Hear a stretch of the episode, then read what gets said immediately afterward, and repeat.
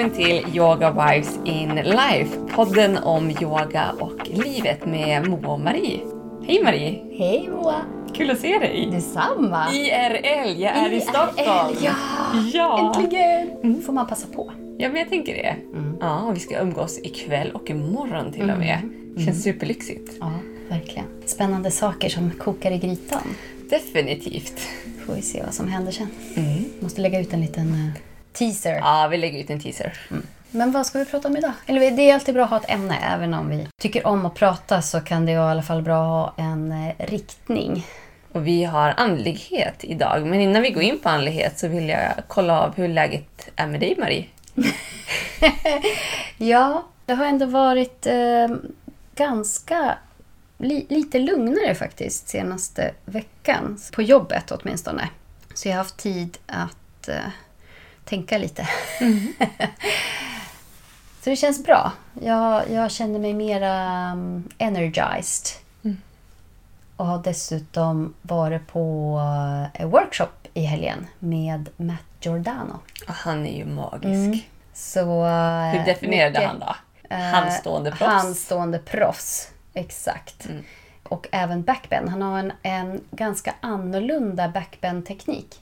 Om man är skolad i den traditionella, eh, till exempel Anosara eller eh, Iyengar-tekniken så är den här tekniken ganska annorlunda. Det kan vara lite läskigt från början. Och jag tyckte första gången jag var med honom på Yoga Games förra året. Du var ju också med då. Var inte det i år? Det var i år. Ja. Just Det är länge men sedan det var. Ja, men det är bara för att jag har bokat nu. Mm. Så till, till januari så känns det som att det är ett år sedan. Men det är Mm. ju inte det. Det är ju några månader kvar till nästa. Just det, så det var i vintras. Mm. Vad tyckte du om den backbend-workshopen? Som Jag tyckte hade? den var väldigt bra men väldigt chockerande. För Mm. det man får lära sig i klassisk bakåtböjning när det kommer till Mm. yogan är att man absolut inte får ta ut bakåtböjning eller ländryggen. Och han gick igenom ganska mycket att ja, men du är ju rörligast i ländryggen men du måste lära dig att hantera din rörlighet i ländryggen och hur du kan skapa mer utrymme i ländryggen. Och vi får ju ofta lära oss att vi ska platta ut ländryggen innan vi går in i bakåtböjningar.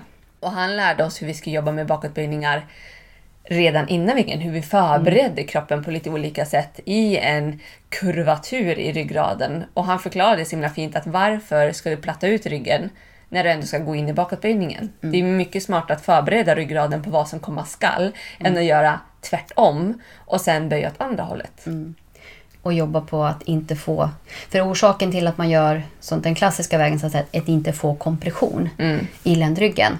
Men han menar ju på att ja, men gör du den vägen så kommer det bli kompression i alla fall. Mm. men med den här tekniken när du faktiskt stående eller i kamelen Eh, alltså sittan, egentligen sittande på hälarna redan. Man sitter på hälarna och förbereder den här kurvaturen i ländryggen och försöker få så mycket space som möjligt mellan kotorna. Eh, alltså undviker kompression. Mm. Och att man gör det i en position där man inte har något tryck Mm. på. Mm. Och lär sig att känna. Och använda core-muskulaturen och lyfta upp och skapa mera space. Mm. Eh, jag, jag tyckte första... Den första workshopen med honom var jag också så här helt, "Nej, men nej det här funkar inte alls. Det här funkar inte för min rygg. Men sen så har jag jobbat på det och nu tycker jag att det är jätteskön Mm. teknik. Mycket bättre faktiskt att, att tänka så. Men man måste tänka space. Mm. Och jag tror att vi också blir lite låst i hur vi...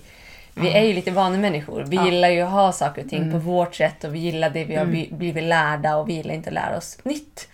Nej, och ha en trygghet också i att man, man känner sig säker i... Men du har ju kört jättemycket bak. Jag är inte så bra på bakåtböjningar om man säger så.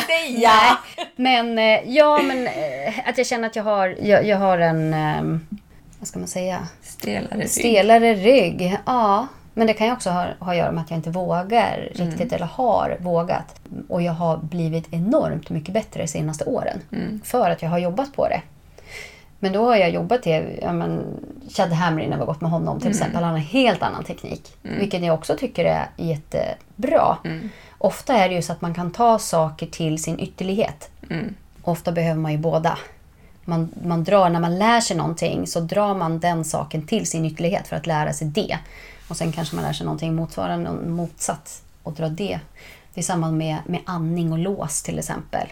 Ska du få en full andning så kan du inte använda låsen. Då måste du släppa låsen. Men för att ha en yogapraktik kanske du måste använda låsen i alla fall. Eh, och inom ashtanga kanske man lär sig använda låsen extremt mycket. Och, och har andningen på ett helt annat sätt, inte hela vägen ner i magen. Mm. Och sen är det liksom när de två teknikerna gifter sig som, som man kan hitta magi. Men är inte det lite klassiskt oss? Jo, Vi vi, är- behöver båda. Ja. Det, är ju verkligen att vi, vi är väldigt nyfikna på bredden. Ja. Vi gillar ju det som motsäger det vi har lärt oss för att vi Mm. får en helt annan bredd än att vi alltid lär oss det vi redan kan. ja. Och det är som många säger, att vi är mer benägna av att söka information som bekräftar det vi redan vet. Mm. Så när vi går ut på Google och googlar på någonting vi vill veta mer om, Mm. så letar vi efter information som bekräftar det jag redan kan. Ja. Inte motsäger det jag redan kan. Nej. Men jag tror vi är så pass nyfikna att vi vill nästan bli motsagda men att det kan ändå ta lång tid för oss att låta det få processeras och sjunka in. För vi kände ju ett motstånd mot mät Ja. när det kom till bakåtböjningar. Men nu känns det ju helt fantastiskt när vi har fått jobba med det på vårt egna hörn och kanske gjort det till vårt eget också. Jag kan tänka mig att om det är det första man lär sig, då kan man få kompression i ländryggen för att man inte har lärt sig det andra också. Jag vet inte. Men det är alltid, det är alltid bra att prova på olika saker och sen fundera på men vad är bäst för mig? Vad funkar bäst för mig? Lyssna på kroppen som alltid. Och allt är ju en kroppskännedom tänker jag. Alltså, Ja. Får man lära sig fler olika tekniker så får man ju lära sig kroppen i olika lägen också. För alla kroppar är ju olika och unika. Alla kroppar behöver ju inte, din ryggrad behöver inte samma sak som min ryggrad. Nej. Min ryggrad är ju väldigt rörlig och då behöver jag jobba med bak bakåtböjningar på ett helt annat sätt än vad du behöver göra. Ja, precis. För jag också, ja men jag är stel lite överallt, känner jag i alla fall. Men sen är allting relativt. Mina elever kanske tycker att det är bullshit Ja. som man säger. Men om jag jämför med dig till exempel så kanske jag är... Och då har man en stelhet på framsidan så är det klart att då, då kan man ju släppa på ett annat sätt också. För att du kommer aldrig in i den djupa bakåtböjningen om du är stel på framsidan. Mm. Det finns inte en möjlighet. Stela höfter. Men vad har det med andlighet att göra då Ja, egentligen? inte så Kroppen. mycket. Ja, eller kanske ändå kroppsmedvetenhet. För mig är kroppsmedvetenhet en andlighet, tycker jag. Ja. Men varför vill vi prata om andlighet då egentligen? Det börjar ju komma in i yogan mer och mer. Och det har ju både du och jag märkt att Den moderna yogan. den moderna yogan, precis. Västerländska. Ja, den väst, man kallar det ju för nyandlighet. För att andligheten har inte riktigt eh, kontakten med religion längre, utan vi är ju ett sekulariserat samhälle. Och det innebär ju att vi i Sverige i alla fall inte riktigt vill knyta an så mycket till Gud längre som man gjorde förr i tiden, utan vi vill vara mer individer och självständiga personer. Och yogan har ju verkligen öppnat upp den dörren till nyandlighet, även om det var kanske inte det man var speciellt intresserad av när man började med yogan. Nej. Och det kan ju du mer om eftersom du har ju betydligt fler år inom yogan än jag Ja, har. för jag, jag kan ju säga som det var när jag började yoga för ungefär 20 år sedan. Då. Och då när man körde på gym, det var power yoga, ashtanga.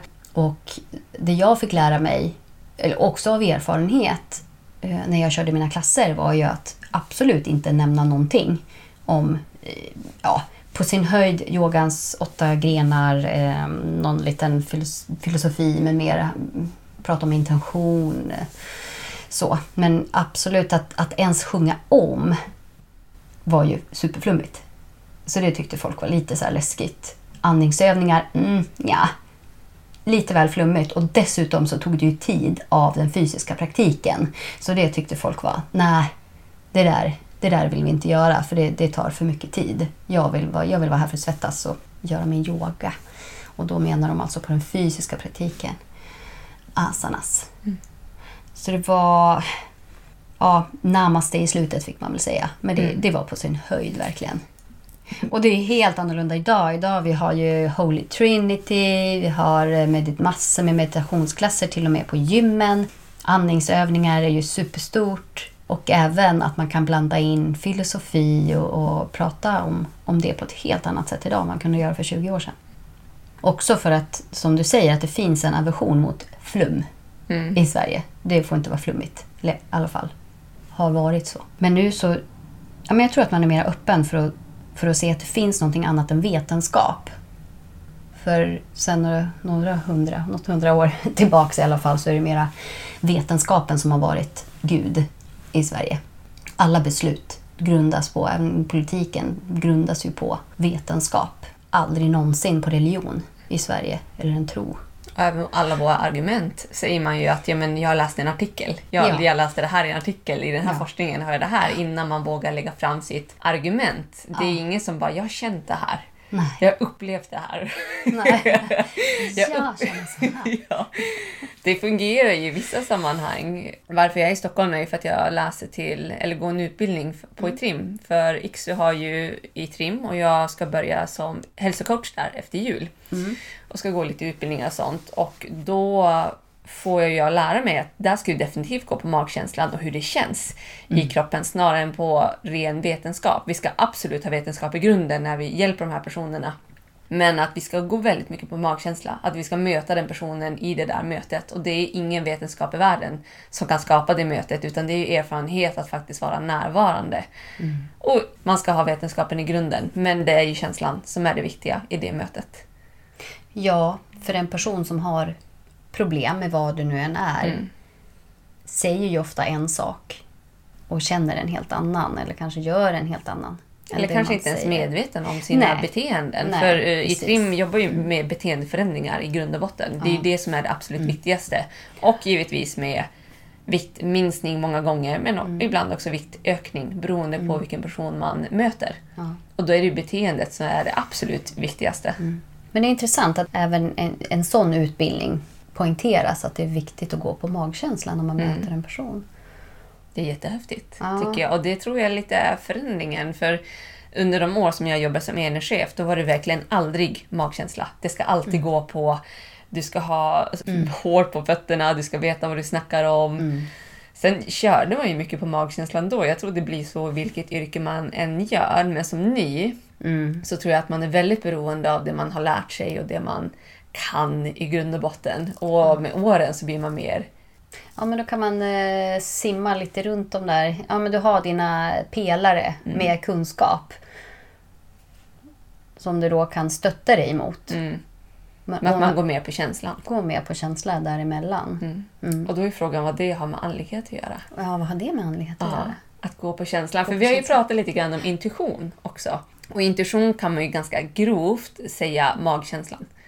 Mm. Det innefattar ju så otroligt mycket mer, men det handlar om att ha sina spröt ute. Att faktiskt vara känslig inför den information vi möter hos andra människor. Vad vi ser hos andra människor. Hur vi läser av mer än det verbala språket.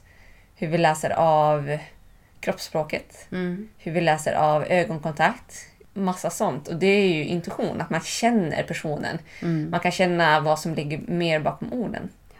Energier. Många pratar ju om energier. Mm.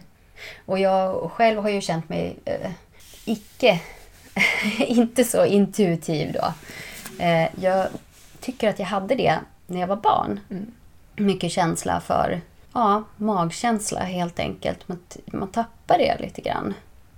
När man börjar gå mer på, ja men vet det ska vara hårda fakta och, och allt så. Men att jag, jag har börjat söka efter det mer och insett att nej men jag går nog ganska mycket på magkänsla och har en rätt bra intuition om jag bara lyssnar på den.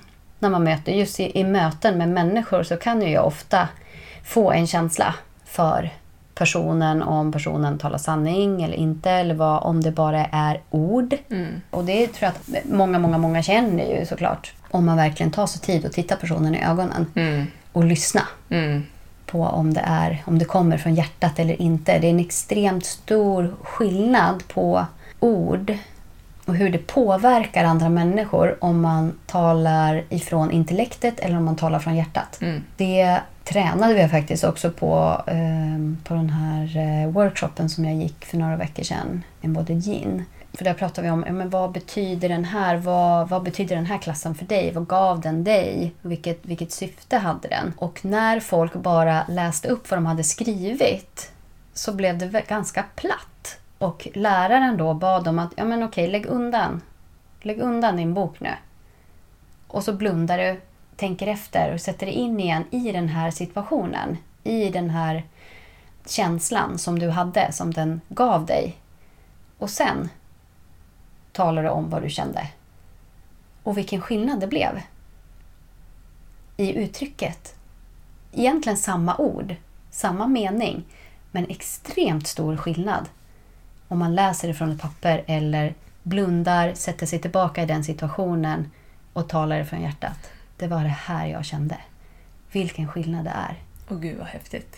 Och det är just det man, man pratar om inom yoga. Nu kommer vi andra ämnen också. Men som yogalärare att du måste prata från your authentic self. Du måste vara sann och prata från dig själv. Du kan inte använda någon annans ord. Ja, du kan använda någon annans ord men du måste ha upplevt dem själv. Du måste känna dem själv ifrån hjärtat för att, för att, vara, för att nå fram. För att nå fram kan du inte prata från ett manus. Det går inte. Mm. Och där kommer vi tillbaka in till andligheten tycker jag. Ja. För jag har ju pratat med ganska många i min omgivning vad de tycker Mm. andlighet är. Vad är en andlig person? Och då kommer de tillbaka till att det är en eftertänksam person. En person Mm. som känner in, känner efter. Och en person som bryr sig om andra människor. Som ser Mm. helheten, som känner av andra människor och vill andra människor väl.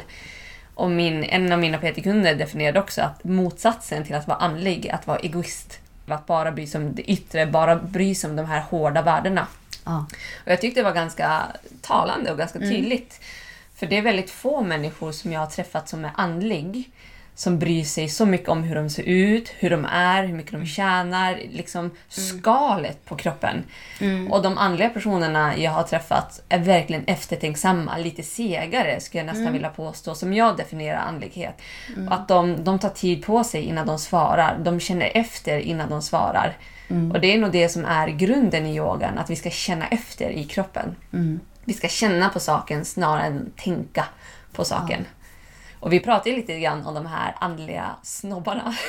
Ja. ja. som, som definierar sig själva som andliga personer. Och, och ofta kommer de med väldigt stora egon, kan jag tycka.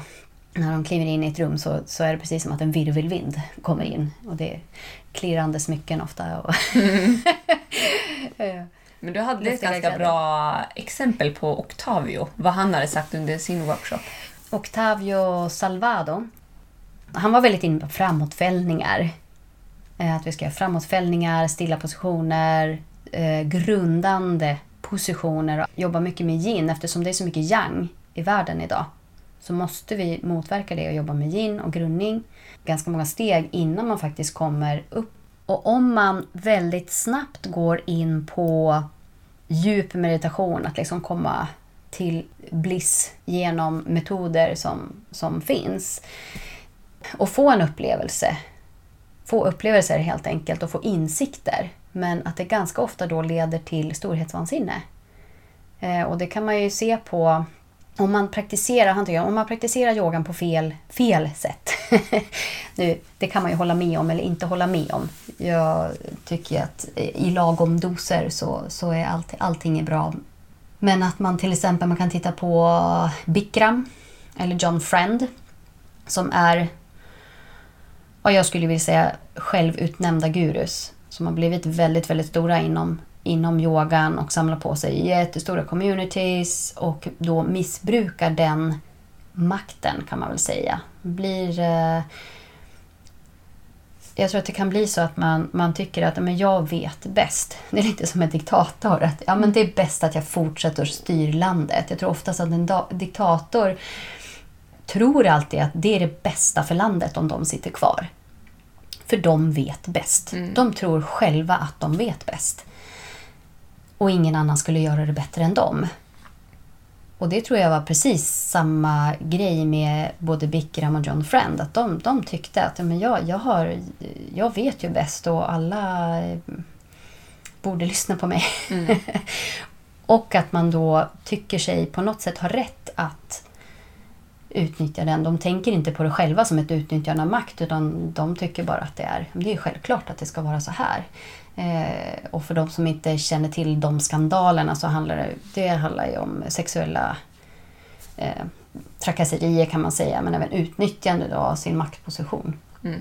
Över kvinnor som har gått deras utbildningar och verkligen vill lära sig och se upp till de här personerna som har så mycket kunskap.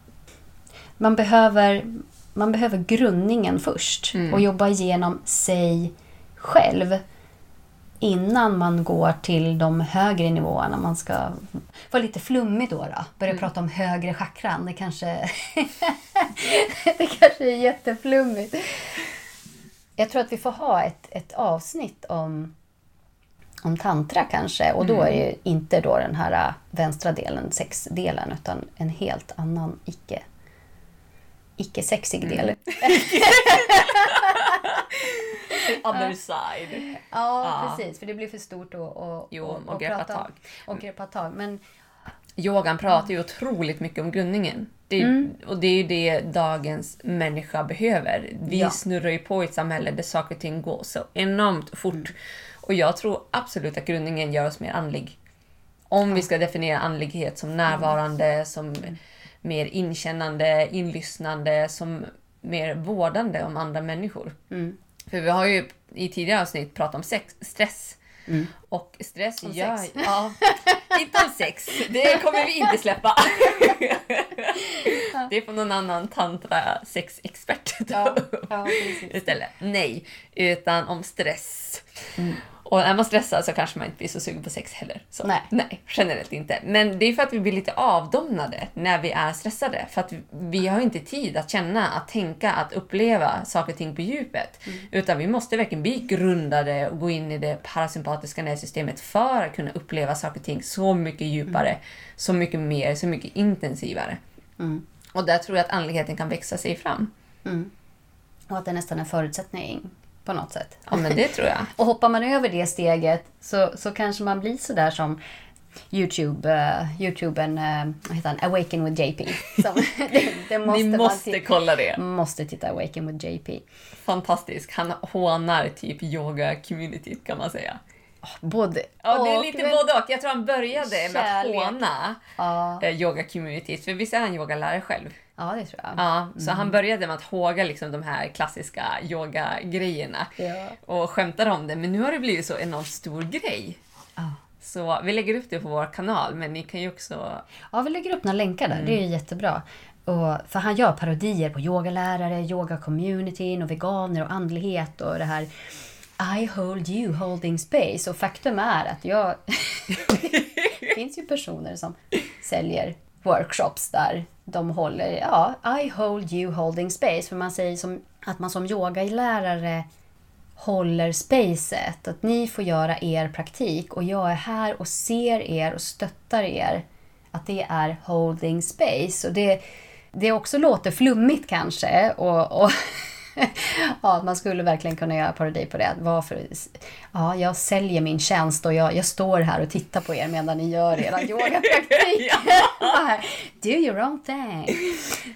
Och det är ju det vi gör. Och det är det vi gör. Ja, Ja. vi ger ju massa instruktioner också, men till viss del meditation och, och, och även när man kör fridans eller någonting, free, free movement. Där, där är det verkligen, och det är superviktigt att som yogalärare, eller som, du behöver inte vara yogalärare, men att vara där och ja, hålla spacet. Hur flummigt det än låter. Fast om vi ska översätta det till liksom barnuppfostran. Barnuppfostran.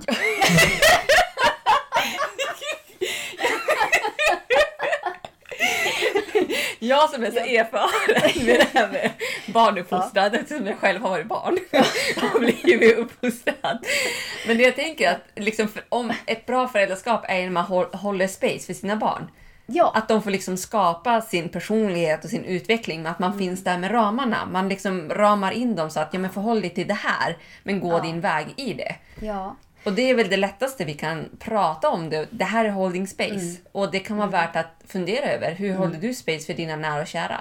ja. Ger du dina älskade utrymme till att växa in i sin roll men fortfarande ha Och vara där. och vara där. Men fortfarande. Mm. ha ändå en struktur. För det går ju inte bara att köra manana manana i relationer utan man måste ju ändå Mm. ha så här vill jag ha det i min relation. Att ja, men jag och Marcus, vi lever ett liv just nu där vi inte ses jättemycket. Mm. Med tanke på att han jobbar med hockeyn och jag jobbar med yogan. Mm. Och vi båda jobbar helger och kvällar. Ja.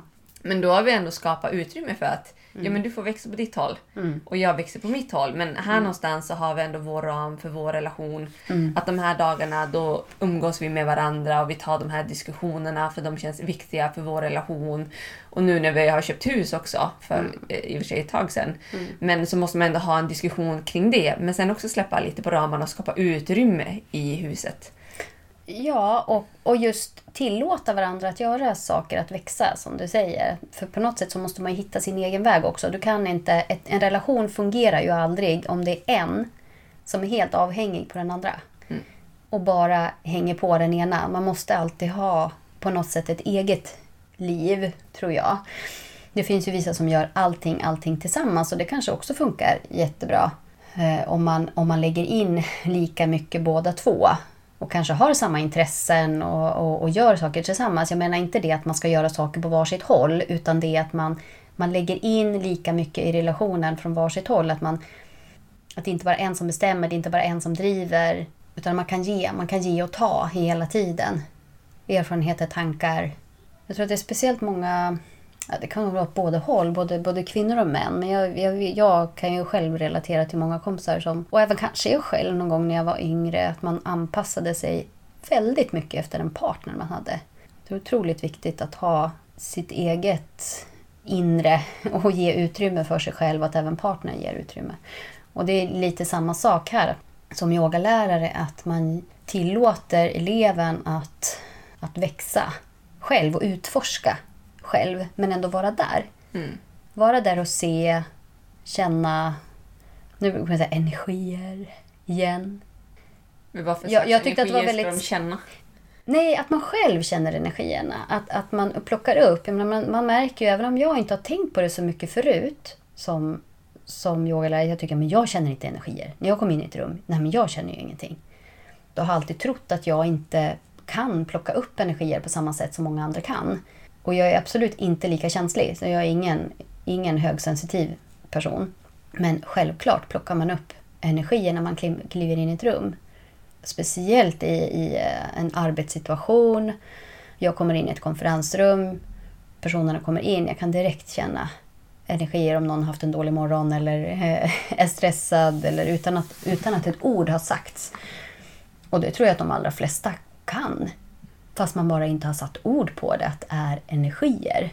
Det kan ju vara kropp, alltså kroppsspråk säger ju otroligt mycket om en person. Ibland så behöver man inte ens se personens ansikte utan man känner direkt när man kommer in i rummet vad det är för känsla. Och vi kallar det ofta för humör. För Ja. humör kan man ju känna i luften, Ja. tycker jag. Ja, Och det kan man ju känna om de bara kokar av ilska borta i Italien, så känner man hur det vibrerar. när i... du kommer in i rummet. Ja, när det kommer in i rummet. Ja. ja. Och det är kanske det man pratar när man pratar om energier och det låter jätteflummigt så, så är det egentligen det och jag tror att alla har känt det. Mm. Och vi kan också lära oss att stänga av, tror jag. I och med stressen, i och med att vi inte har tid att känna och vara närvarande. Och ta sig tid att, att förstå varför. Mm. Jag tror att om man kan ta sig den tiden att se in bakom humör eller den här energin eller ett agerande så, så skulle allting flytta mycket lättare även om det kanske tar lite längre tid. Mm. Men det är det vi har glömt bort. Inte har tid för. Prioriterat bort. Mm. Tiden att se varandra. Mm. Jag kan ju själv vara ganska... När jag är stressad så är jag ju rätt... Eh, jag kan peka med hela handen. Om ingen annan gör det. Jag, igen, jag, jag tycker om när andra tar kommandot. Mm. Men om ingen gör det eller om jag märker att folk pratar förbi varandra, att kommunikationen inte fungerar, då kan jag kliva in och peka med hela handen och vara ganska frustrerad över när folk inte är konkreta. Jag tror att det behöver vårt samhälle också. Det tror jag, det går inte stick i stäv med andlighet. Nej. Tycker jag heller. Utan Nej. vi behöver ramar, vi behöver struktur och sen en finkänslighet på det. Och det är det som vi vill kalla för andlighet. Men känner du dig som andlig? Jag Vad- kände Skulle mig- du definiera dig som andlig? Jag gjorde ju det tills jag frågade min man och han Ja. bara nej Moa, du försöker vara andlig. Men du, ja, du är väl inte riktigt där ännu. Nej. Men det, det är svårt eftersom jag har en bild av hur en person är som andlig. Och när man, alltid, när man börjar jämföra sig med andra människor, det är då man kanske sätter sig själv i ett fack och man sätter en annan person i ett fack. Men jag tror att andlighet kan vara på lite olika sätt. Och jag upplever att jag är andlig, att jag kan känna mig väldigt närvarande och känslig och eh, väldigt mån om andra människor. Mm. Och det tycker jag är andlighet. För det har vi ju pratat om att i alla religioner världen över så beskriver de att vi är, det finns vi som individer men vi är också uppkopplade till något större. Mm. Yogan har det också. Mm. Men i yogan pratar man inte om religion på samma sätt. Och i Sverige är vi livrädda för att prata om den här uppkopplingen Mm. till något högre. Och det är väl där den här... vad är det här Vad- högre? Inom religion så pratar man ju ofta om en, om en personlig, allsmäktig gud. Och det är inte det det är för mig i alla fall. Jag kan säga när jag var liten så man gick väl i kyrkan och sådär och jag, jag såg mig aldrig som särskilt eh, religiös men jag, jag tyckte om kyrkan, jag tyckte om historierna framförallt. Jag, jag tror att det är det. Jag älskade den här barnens bibel man fick för att det var så mycket härliga historier i den. Men när jag gick i kyrkan så kom jag ihåg att jag blev lite pissed off för att de pratade, det var bara män. Det var en fader och det var Gud var en, en eh, man och det var sonen. Och, och jag tror redan då när jag var liten så tyckte jag att nej, men vad, vad, liksom, vad är modern då? Vad, vad är liksom, varför är det inte varför refererar man inte lika gärna till Gud som en, som en moder? Eller en, så jag, även, ända som liten så har jag inte trott på den här allsmäktiga personliga guden utan någonting annat. Någonting mer flytande, en, ja, energi som, som vi alla är sammankopplade genom. Alla religioner säger också att vi är alla ett i princip. Vi, vi hör ihop. Och det viktigaste av allt, nästan alla religioner, ja i princip alla, jag vet inte någon som inte säger, men det viktigaste av allt är kärleken. Så ofta var det väldigt frustrerad över att det finns så många olika religioner, att man, man skapar krig över religion. Mm. Som alla proklamerar att störst av allt är kärleken. Det är helt galet. Helt sjukt. Men där tror jag vi kommer in på makt. Ja, För religion kan ju också vara... absolut. Religion är ju i mångt och mycket makt. Inte alltid. nej, men- religionen är inte makt, Nej, utan, utan, det är personerna. personerna. Mm, som utövar det. Men hur ska vi ta bort religionen från det andliga? Och Ja. liksom, hur sammankopplar vi oss med det högre? Och vad är det högre? Vad är det högre? Precis. För jag vet inte vad det högre är. Men däremot kan jag känna en enorm samhörighet till andra människor. Mm. Kanske främst inom yoga-communityt. Att där känner vi... Där känns det som att folk är väldigt högkänsliga. Att de är Ja. mer, ja men som jag pratade om, närvarande, de verkligen känner in kroppen, de känner in andra människor och respekterar andra människor. Och det är det som blir så otroligt vackert, tycker jag. Och det tycker jag är att ta ansvar.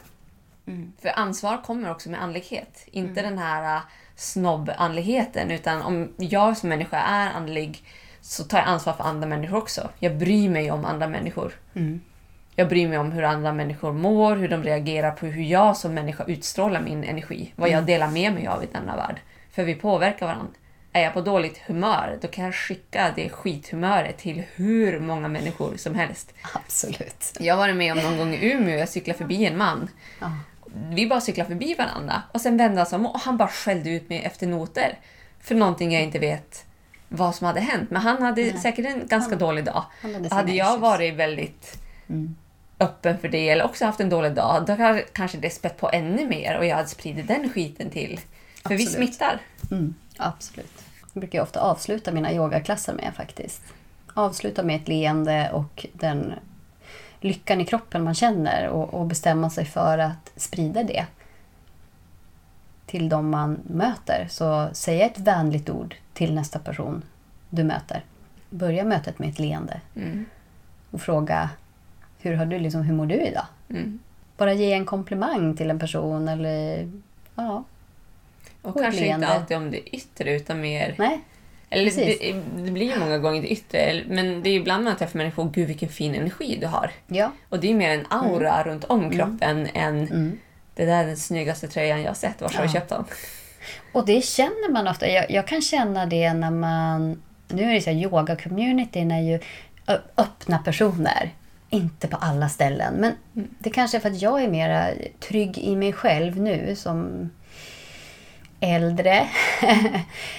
att jag är så öppen för nya bekantskaper. Och om man går till en yogastudio och, och sätter sig bredvid en person på mattan bredvid så kan jag hemskt gärna börja prata med den personen. Och det Den personen kan se väldigt fokuserad och samlad ut från början men man behöver liksom bara säga hej så, så är man i princip bästa kompisar efter klassen. Mm.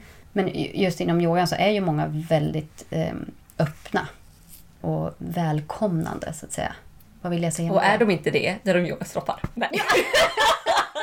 Då är de en yogapolis. Yogapolis eller stroppar. Nej. Ja. Jag har rätt och du har fel. Men det är väl också för att man jobbar så pass mycket med sig själv inom yogan att man inser eh, att, dels att man inte är perfekt. Mm.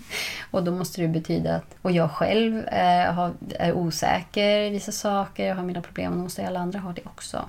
Få en större compassion. Medkänsla heter det. Och ödmjukhet. Och ödmjukhet jag. För vi också. blir ju väldigt ödmjuka när vi praktiserar yoga med oss själva, går in på djupet, undersöker vad finns det för mörka skuggor där inne och vad har jag Ja. för styrkor. Och då tycker jag att jag blir så mycket mer ödmjuk mot mig själv och mot Mm. Mina nära och kära. Jag har mycket lugnare temperament Mm. idag än för bara tio år sedan. Men även starkare Mm. för att du blir mer grundad. Jo. Och även upptäcker dina styrkor. Jo men absolut att man kan göra sin röst hörd. Mm. Att jag pratar ju mer från djupet av mitt hjärta än att prata mer från, eller åsikter som någon annan har sagt. Att man bara har tagit efter någon, någon, någon annans sätt att säga. Men du hade en jättefin sammanfattning på andlighet.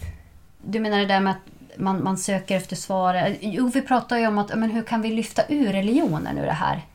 Eh, och inom många religioner så söker man ju som sagt svaren ja, men lite utanför kanske.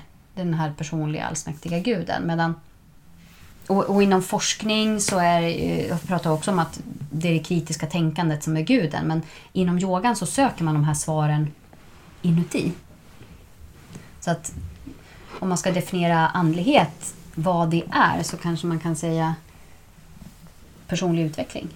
Eller väldigt starkt kopplat i alla fall till, till personlig utveckling.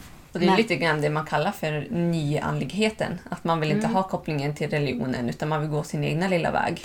Precis. Vi pratade lite grann om de här stora egorna som definierar sig själva som andliga eh, och, och säger att jag är så andlig och upplyst och, och jag är så god. Och samtidigt så behandlar man andra som skit. Det finns ju, finns ju några utav dem också. Jag tror att de lever efter någon annans, någon annans sanning.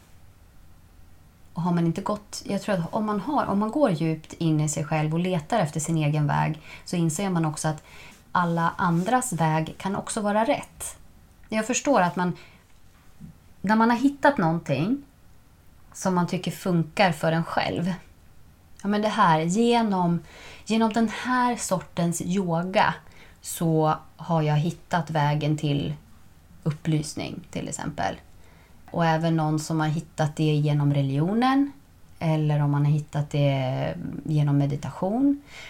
Så vill man ju gärna, om man har hittat den här perfekta vägen för en själv, så vill man gärna att alla andra också ska hitta den vägen. Och om man då tror att men det är bara min väg som är rätt, jag måste få alla andra att gå min väg för då kommer världen att bli perfekt. Det är då man sätter lite snubbelben, både för sig själv och för andra. För jag tror ju inte på att det finns en, en väg som är rätt, utan det finns väldigt många olika vägar som är rätt.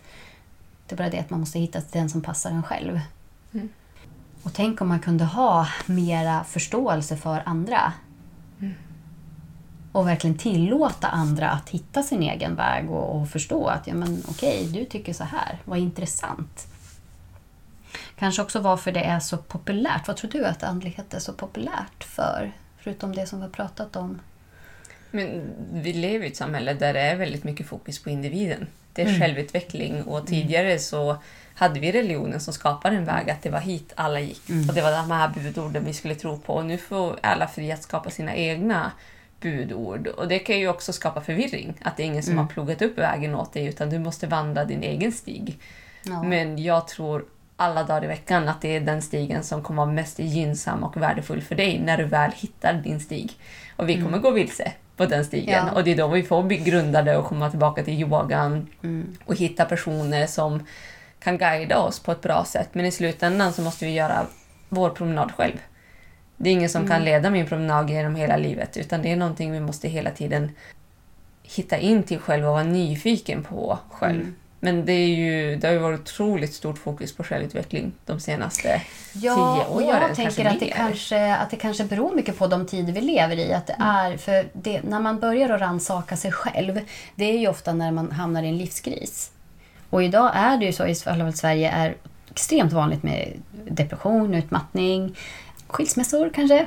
Det är också såna här, ja, men livskriser helt enkelt. Att man, att man börjar att fundera och, och men vad, vad gör jag med mitt liv egentligen? Vad är meningen med livet? Varför är jag här? Vad har jag för syfte? Och då börjar man ju titta mera inåt. När det är en livskris som händer. Jag, jag tror just med det här utmattning och det, det hårda tempo som vi lever i idag så tvingas man till att stanna upp och börja fundera mera. Så att tiden liksom tvingar fram ett ökat medvetande. Mm. Och jag tror att det är det vi pratar om, andlighet, att det är ökat medvetande egentligen Mm. Ja, men vad, ifrågasätta vad, vad ens eget syfte eller dharma är för någonting. Vad har jag för, vad har jag för orsak egentligen till att kliva upp på morgonen? Raison d'être. Och sen också att det kanske finns eh, en längtan liksom att komma till det där tillståndet där man har villkorslös kärlek och förståelse. Men då måste vi ha verktyg för att komma dit också. Mm. Och det kan man ju hitta mycket inom yogan. Mm. Dels den, kropp, den, den fysiska praktiken genom asana. Som du säger, att man hittar både svagheter, man hittar styrka, man hittar förståelse för andra. Även meditation och andningsövningar. Filosofin. Filosofin. Mycket att, där är ju mycket tänka. Ja, Tänka absolut. först för att känna sen. Ja. Ska jag säga. Tänka, reflektera, gärna diskutera så att Ja. man får mer kunskap och får ventilera suttrorna med andra människor så att man verkligen Mm. förstår vad är filosofin och hur, upp, hur uppfattar du det här och hur uppfattar Mm. jag det här? Och där finns det ju så extremt mycket nu som absolut inte fanns för 20 år sedan kan jag Mm. berätta. Eh, workshops, kurser, böcker om eh, ja, men både självutveckling men även forskning. Som faktiskt börjar att bli nyfiken på, på att förklara det oförklarliga. Ja, men just olika verktyg. Jag, jag tycker ju för sig då att, eh, och jag vet att vi båda tycker det, vi behöver båda. Och det säger ju Albert Einstein också. Han sa att vetenskap utan religion haltar och religion utan vetenskap är blind. Nu pratar vi om andlighet och man kanske kan ta det ett ganska långt steg ifrån vetenskapen. Men vi båda gillar ju vetenskap. Vi gillar forskning. Mm. Men är samtidigt väldigt öppna för att det finns, det finns saker som inte går att, att bevisa ännu. Det är väldigt svårt att, att bevisa saker med forskning. Mm. Det är inte mycket som nu Metro och eh, Expressen och andra tidningar de, de eh, citerar ju forskningsrapporter rakt av utan att ha kritiskt tänkande överhuvudtaget. Forskning är ju super, superbra men Mm. det finns så mycket mer.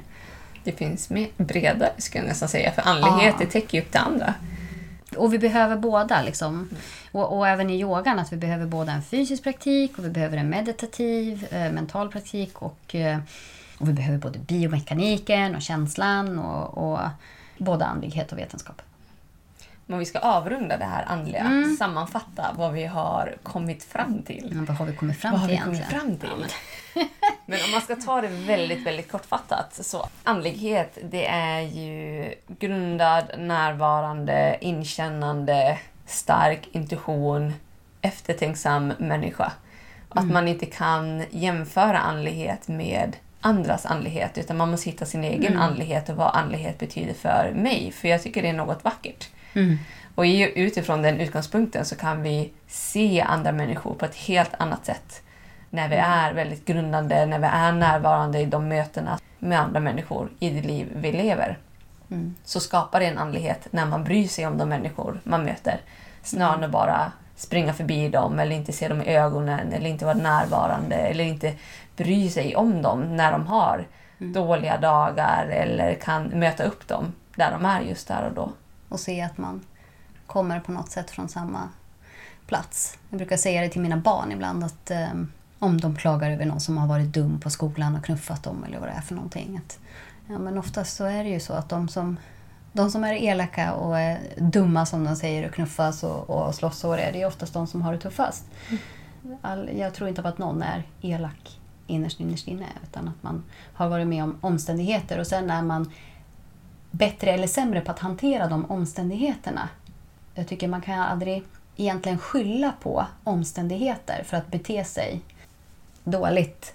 Man kan alltid välja den goda vägen om man säger. Tror jag i alla fall. Mm. Men det finns oftast en, alltid, alltid en orsak till att folk beter sig som de gör. Mm. Men sen kan man behöva skärpa till sig. Mm. och inte skylla på de omständigheterna helt Precis. enkelt.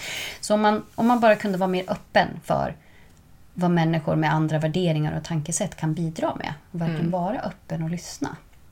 Och sen värdera, är det här någonting som funkar för mig eller inte? Men vara glad för andra människor Mm. när det funkar för dem. Och kunna acceptera att det får vara olika. Ja, Att man kan hitta sin väg på olika sätt. precis. Så vad ska vi ha för avslutning? Eh, Vad, vad för eh, meditation andning? Eller vad ska vi göra för någonting som, som kan... För det känns ju ändå som att vi vill fortsätta med den här traditionen att avsluta med en, antingen en meditation eller andningsövning eller någonting som man kan ta. Och då, de här avsnitten kan man ju lyssna på och så kan man notera att ja men fem minuter innan om jag vill upprepa den här meditationen så kan jag bara spola fram till tio minuter innan slutet och göra övningar som vi lägger på. Vad tycker du passar? Det som passar perfekt är ju metta-meditation och det är ju Mm. loving kindness. Metta-meditation handlar om att man ger först uppmärksamhet till sig själv, kärlek till sig själv. Mm. Sen får man ge det till personen i sin omgivning och det är ju det som egentligen sammanfattar det vi har pratat om. Att vi, vi måste ju först börja med oss själva, Mm. hitta in till vår andlighet och sen kan vi dela med oss av den till andra människor och se att vi alla är ett. Vi Mm. har någonting gemensamt. Vi har något universellt gemensamt, även om man kanske inte vill sätta ord på det eller sätta in det i ett fack, utan bara känna efter att ja, men vi är Mm. ett och samma. Mm. Och sen får alla definiera själv vad det egentligen är. Och med den här metta-meditationen så kan man verkligen arbeta med sig själv och sen ge till sin omgivning. Och så får man märka av hur det känns att ge till Mm. andra. För det tycker jag kan variera sig ganska mycket när jag kör metta-meditation Mm. Från dag till dag, ja. från dag till dag. Absolut. Också vilka, vilka personer som dyker upp. Mm. Och det är Marie som kommer guida dig igenom denna Ja. meditation. Ska jag göra det? Ja. Mm. Men då tycker jag att vi säger hej då och kanske påminner om att man kan kika in på... Dels har vi en Facebook-sida som heter Yoga Wife in Life. I ett enda ord tror jag att det är. Och även Instagram, Yoga Wife in Life. Så ska vi försöka i alla fall att lägga upp lite mera... Ja, men lägger upp den där länk, någon länk med, med Awaken with JP. Precis. Men njut av mättan. Så pratar vi nästa vecka. Hej då! Hej då!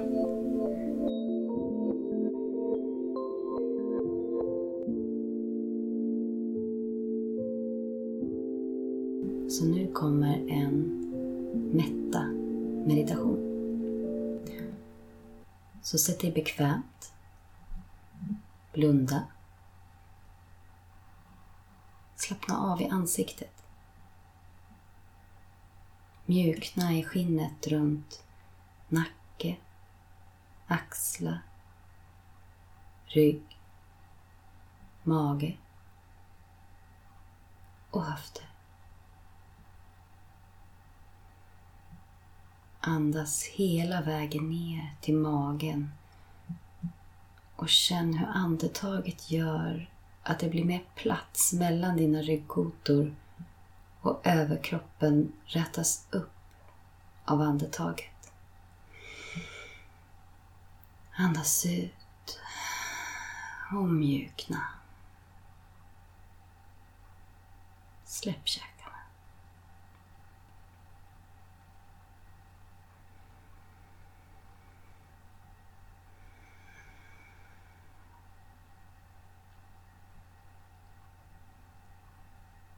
Lägg nu fokus på dig själv.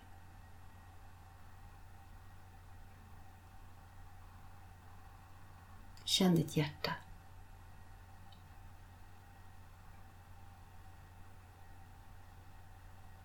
Tala från hjärtat till dig själv.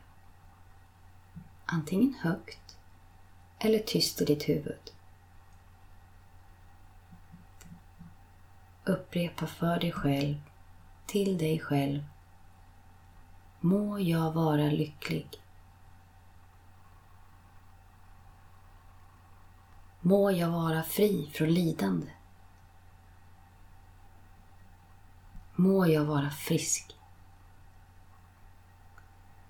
Må jag vara älskad. Upprepa för dig själv med tyngd och kärlek i orden. Från ditt hjärta till dig själv. Må jag vara lycklig. Må jag vara fri från lidande. Må jag vara frisk. Må jag vara älskad.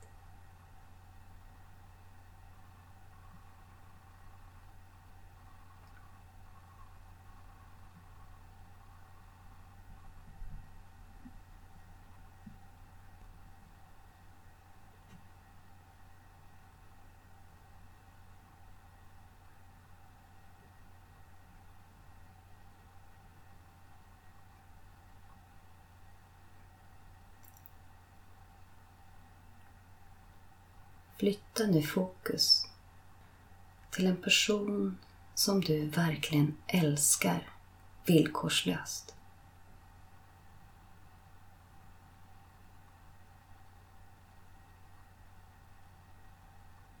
Se den personen framför dig. Kanske ler du.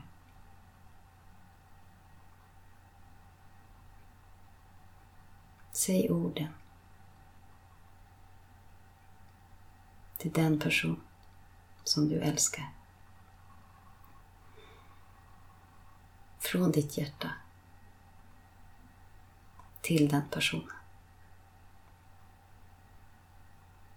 Må du vara lycklig. Må du vara fri från lidande. Må du vara frisk. Må du vara älskad.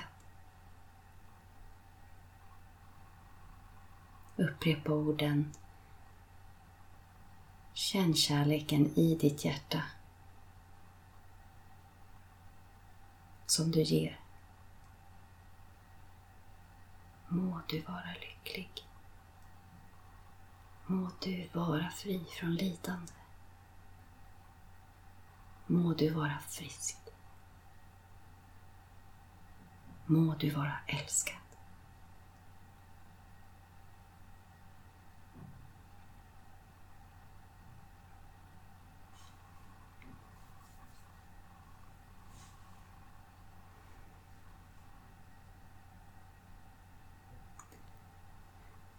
Flytta nu fokus till en person som du har lite svårt för. Eller som du har haft problem med. Och Det kan vara någon du känner eller inte känner. Men tala till människan bakom. Och säg orden till denna person. Må du vara lycklig. Må du vara fri från lidande. Må du vara frisk. Och må du vara älskad.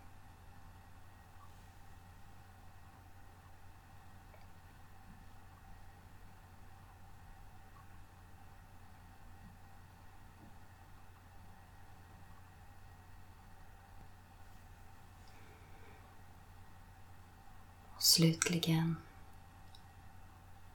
säg nu orden till hela världen, till alla djur och alla människor. Låt tankarna vandra från din närhet ut till periferin, ut i världen. Och stanna vid varje situation eller person och upprepa orden tills du kan gå vidare till nästa.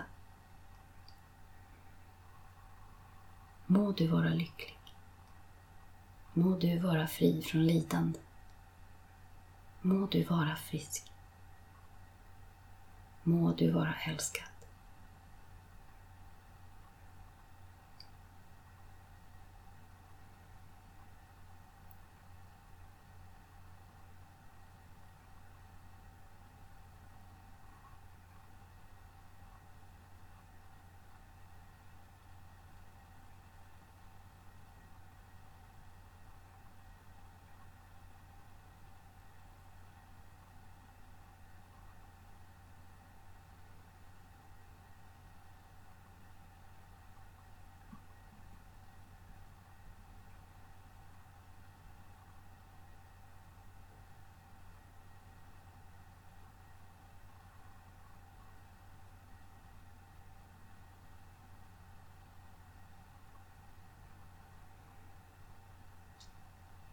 Låt tanken vandra vidare.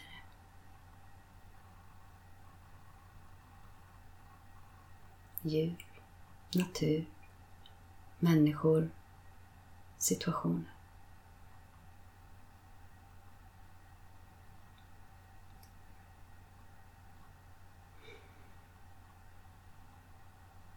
Jag lämnar dig här. Men om du vill upprepa meditationen igen, orden igen och fortsätt ut i världen och ge din kärlek och din förståelse till andra från ditt hjärta. Eller avsluta här.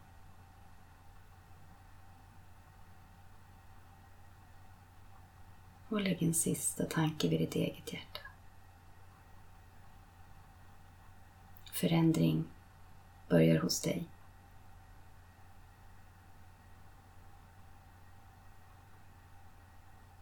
Namaste.